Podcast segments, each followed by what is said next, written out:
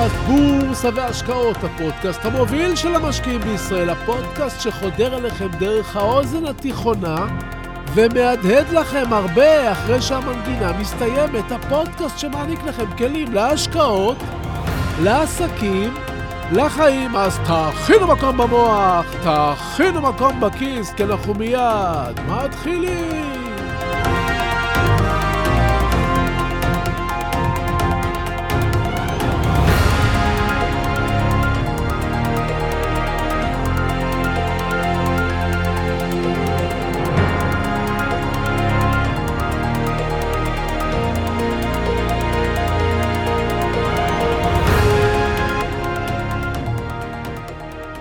האדם, כדי להיות יצירתי, כדי להתקדם, כדי להביא את עצמו למקומות גבוהים, צריך להזין לא רק את הגוף, אלא גם את הנפש.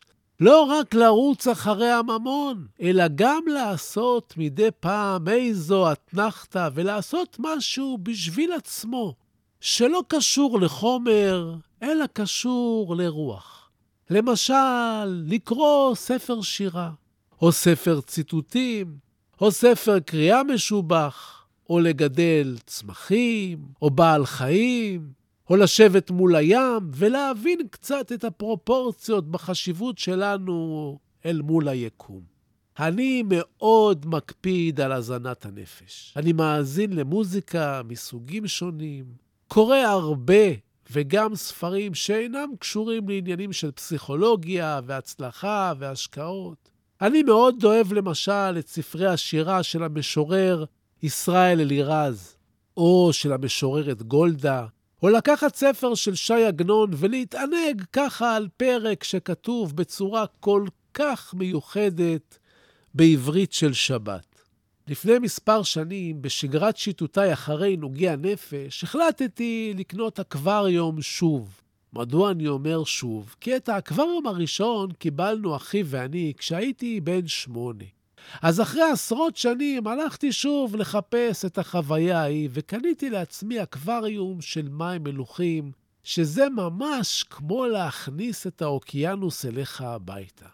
עולם אינסופי של אפשרויות ודגים ובעלי חיים מסוגים שונים, וצדפות ואלמוגים וסרטנים, ממש משובב נפש. אבל רציתי לספר לכם דווקא על האקווריום הראשון שלי. זה שקיבלנו אחי ואני כשהייתי בן שמונה, אי שם בשנות ה-70 של המאה הקודמת. זה היה אושר מופלא. לא ישנתי מהתרגשות באותו יום. העולם הזה שנכנס אלינו אז הביתה, ריתק אותי. דגים כמו גופים, סייפנים, מולים, סקלרים ועוד מילאו את מיכל המים הזה. בכל כמה שבועות היינו קונים עוד צמח, עוד זוג דגים, והיו לנו גם דגיגונים שהשריצו אצלנו באקווריום בתא השרצה, ואני לא ידעתי את נפשי מרוב אושר. וככה, לאט-לאט חלפו חודשים ושנים, והאקווריום הזה נכנס לשגרת חיינו. והדגים שהגיעו בהתחלה וריגשו אותנו, עכשיו ריגשו אותנו פחות. ואנחנו התחלנו לחפש דברים קצת יותר מיוחדים. דגים שלא היו לנו. טבע האדם תמיד מחפש חדשות. יום אחד אחי הביא זוג דגים שלא ראינו עד כה, ושמם היה ציקלידים. זוג צעיר ויפה שנכנס לאקווריום והתאקלם די מהר. כלומר, ממש מהר. כלומר, הכי מהר. כמה מהר? הם פשוט חיסלו את כל שאר הדגים, כי ציקלידים, כך התברר לנו לימים, היו דגים ממשפחת הטורפים, רק שבחנות שכחו לציין לנו את זה. בפרק זמן הראשון לא כל כך הבנו לאן נעלם דג זה או אחר, חשבנו שהוא מתחבא או קפץ מהאקווריום, אבל לא מצאנו סימנים מאוששים. ועד שהבנו, כבר היה מאוחר. חודשים, שנים, גידלנו אקווריום לתפארת, והציקלידים פירקו הכל. ומה קרה אחרי זה? ואיך זה בכלל קשור לשוק ההון? חכו, חכו, מיד, מיד תבינו. שלום וברוכים הבאים לפודקאסט בורסה והשקעות, הפודקאסט המוביל של המשקיעים בישראל, והיום נביא מתנועות הכסף לדבר על עושר, על השקעות, על הפסדים ועוד כמובן דברים מפליאים, אז תהיו ממוקדים. תכינו מקום במוח, תכינו מקום בכיס, כי אנחנו מיד מתחילים.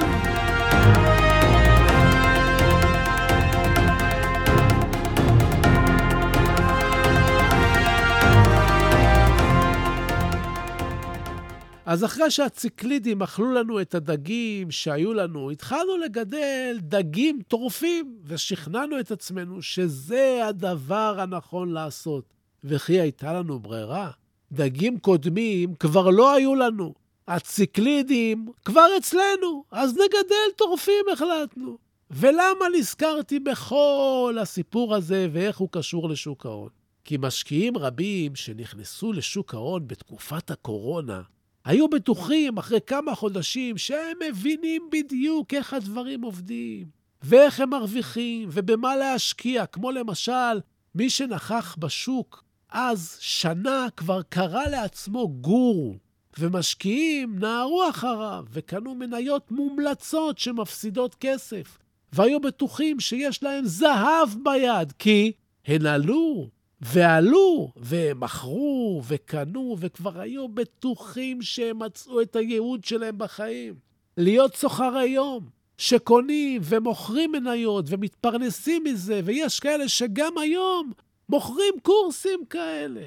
הכל הלך פיקס אז, עד שהם לא הבינו שהגיעה תקופה שהם קונים ציקלידים. הציקלידים שלהם היו מניות מנופחות שכל קשר בין עלייתן לערכן הוא מקרי בהחלט, והעלייתן הייתה רק בגלל שמישהו אחר שלא מבין היה מוכן לשלם עבורן יותר ממה שאתם הייתם מוכנים. המניות הללו שהם הכניסו לתיק, בדיוק כמו הציקלידים, אכלו את הרווחים וגם את הקרן. והמניות כבר נפלו עשרות אחוזים, והם פתאום מבינים שהם לא כל כך סוחרי יום.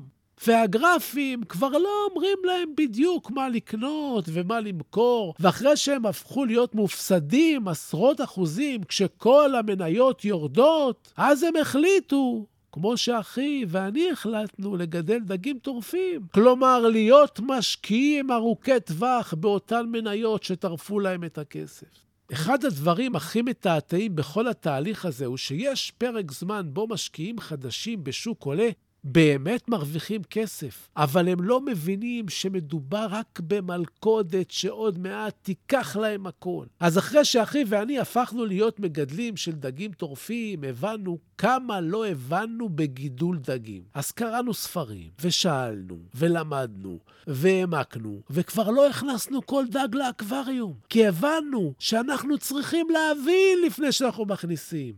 ועוד למדנו שגם בטורפים יש טורפים שטורפים טורפים. ומאז אחי ואני לאורך החיים גידלנו ביחד ולחוד דגים לתפארת. ואתם, או חלקכם, שנמצאים עכשיו במצב של תיק השקעות שכשל, כואבים את ההפסד, מאוכזבים ואולי אפילו מיואשים, אני בא ואומר לכם, היי, hey, תרימו ראש, אתם למעשה משקיעים בתקופה שהיא השיעור הכי טוב שמשקיע יכול לקבל. מחזור חיים בשוק ההון יכול לקחת עשר שנים, ואתם, בפרק זמן של פחות משנתיים, חוויתם מחזור חיים כזה. הניסיון שקיבלתם בשנתיים, אם תיטיבו לסנן ממנו את התובנות, תקבלו כרטיס כניסה לעולם ההשקעות האמיתי, ותוכלו להרוויח כסף ממנו לאורך שנים רבות בחוכמה. מה שראיתם ומה שאתם רואים וחווים זה למעשה תהליך שלם של מחזור חיים כלכלי של שוק ההון, מירידות ופחד מצמית בשווקים במרץ 2020 ועד לעליות מטורפות, שבהן כל מניה היא מלכה, וגם אם היא לא שווה פרוטה, ועד לתיקון של מרץ 2022 שוב, עם הפלישה של פוטין לאוקראינה. כל מה שאתם רואים בשנתיים האלה לפעמים מתפרס על עשר שנים, ואז הרבה יותר קשה להבין. היום אתם מבינים טוב יותר מה באמת יכול לקרות ומה באמת קורה. כי אם הייתי מספר לכם לפני שנה שמניות כמו עליבאבא ולימונייד וויקס, או פייסבוק, או פייפל או נטפליקס יכולות להיחתך לשתיים ויותר, הייתם מלגלגים, ובצדק, כי אף פעם לא ראיתם דבר כזה. אבל היום אתם כבר מנוסים. שוק ההון יחזור לעצמו. המדדים יחזרו לשבור שיאים, ואני מבטיח לכם, אבל מניות גרועות ימשיכו להיות גרועות, ומניות טובות יתאוששו. אל תתייאשו. תעשו חשיבה לגבי שיטות העבודה שחשבתם שעובדות, ואולי אפילו עבדו בפרק זמן מסוים. אבל לא צפו את התנועות החדות, ואלה שגורמות להפסדים. תלמדו, כמו שאני ואחי למדנו, אילו דגים אפשר וכדאי להכניס לאקווריום, ואילו לא. תקראו ותחקרו על שוק ההון, כי זה שמוכר הדגים בחנות לא הזהיר את אחי, גרם לנו צער כבד והפסדים. אף אחד לא יבוא ללמד אתכם אם לא תלכו ללמוד. תפתחו רעב לידע. תקראו ותסיקו מסקנות, תהרהרו במה שאני חוזר ומדגיש לכם, שהרגש בסופו של יום משתלט עליכם וגורם לכם לפעול בצורה לא הגיונית, למרות שנראה לכם שאתם מאוד הגיוניים. הניסיון שצברתם בתקופה האחרונה יקר מפז, אל תזרקו אותו. קוראים לזה דמי לימוד. שילמתם יפה. עכשיו, הזמן לסטאז' ולהתחיל. לא לסיים את הפרק הזה של שוק ההון, להתחיל אותו, ושיהיה במזל. מזל דגים כמובן, ועכשיו, עכשיו לפינת הטיפים שלנו.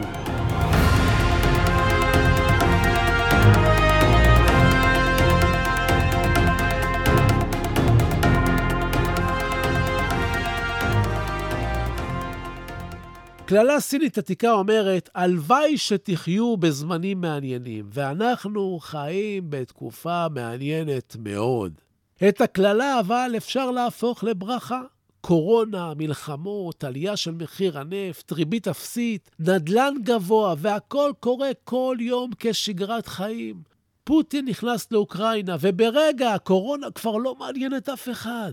אבל לכל התרחשות כזאת שקורית בעולמנו יש השפעה על שוקי הכספים. וכל השפעה כזאת תחזור שיקרה אותו מקרה בעתיד. מה שאני מציע לכם היום בפינת הטיפים שלנו, זה שתקנו לעצמכם מחברת עם כריכה קשה, ותתחילו לתעד אירועים חריגים ואת השפעתם על שוק ההון. כשיקרה אירוע כזה בעתיד, תוכלו לנצל את הניסיון שלכם ולהרוויח כסף. ברור שנראה לכם שתזכרו, אבל המוח שלנו מניפולטיבי, ויש דברים שהוא משנה כשאנחנו מביטים על הדברים ממרחק של זמן. אז תכתבו לעצמכם. כי זו, זו אחת ההשקעות הכי טובות שתעשו. אתם הבנתם את זה? אז תיגשו לקנות לעצמכם ספר שירה, או עציץ לשולחן, או אקווריום, ותזינו את הנפש ואת המוח, ותקנו מחברת עם כריכה קשה, וככה תתקדמו, ותפיקו מעצמכם את המרב.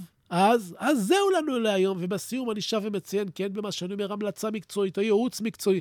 את אלה תמיד כדאי לקבל מיועץ מוסמך עם רישיון לי אין, אני רק משתף אתכם במה שאני חושב. המניות שאני לפעמים מדבר עליהן כאן, אתם צריכים לדעת שאני לפעמים קונה מהן, לפעמים מוכר מהן, ואני אף פעם לא מבקש מכם או מנסה לכוון אתכם לבצע פעולה כלשהי, אלא רק לגרום לכם נכון, לחשוב, לחשוב, לחשוב, ותודה.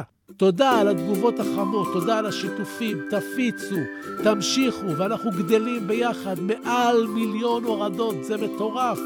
תודה להילה ברגמן, שעורכת ומאירה ומפיקה את הפודקאסט הזה. ועד לפגישה הבאה שלנו, אתם מוזמנים לשמור איתי על קשר, לבקר באתר האינטרנט שלי www.sodot.co.il. תעקבו אחריי באינסטגרם, סודות, כף תחתון בורסה, באנגלית, תגיבו, תעלו נושאים, ואני חוזר לכל אחד ואחד מכם. אני מבקש, סמנו שאהבתם ותשלחו את הפודקאסט עכשיו.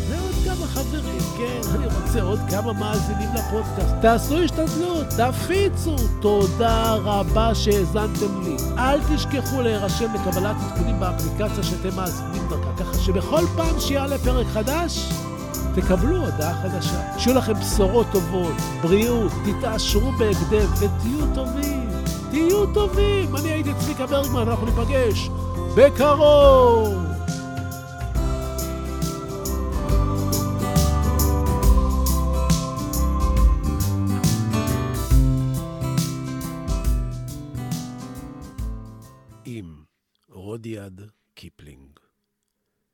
אם תוכל לשמור על שקט וקור רוח, עת מסביב לך שוררת מבוכה.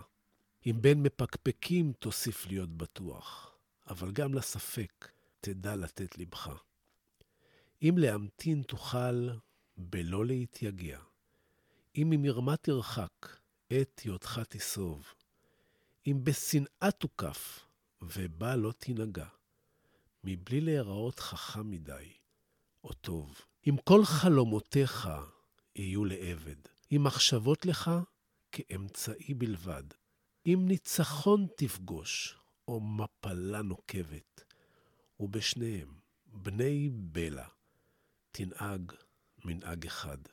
אם תוכל לסבול דברים אשר השמעת, בהיסלפם להיות מלכודת לבורים, אם עת מפעל חייך תראה שוקע מטה, ושוב תחל לבנות אותו מן השברים, אם לאסוף תוכל את כל דברי הערך אשר לך, להרמה ולסכנם, להפסידם ולצעוד מראש הדרך, בלא להפטיר מילה על שאבד חינם.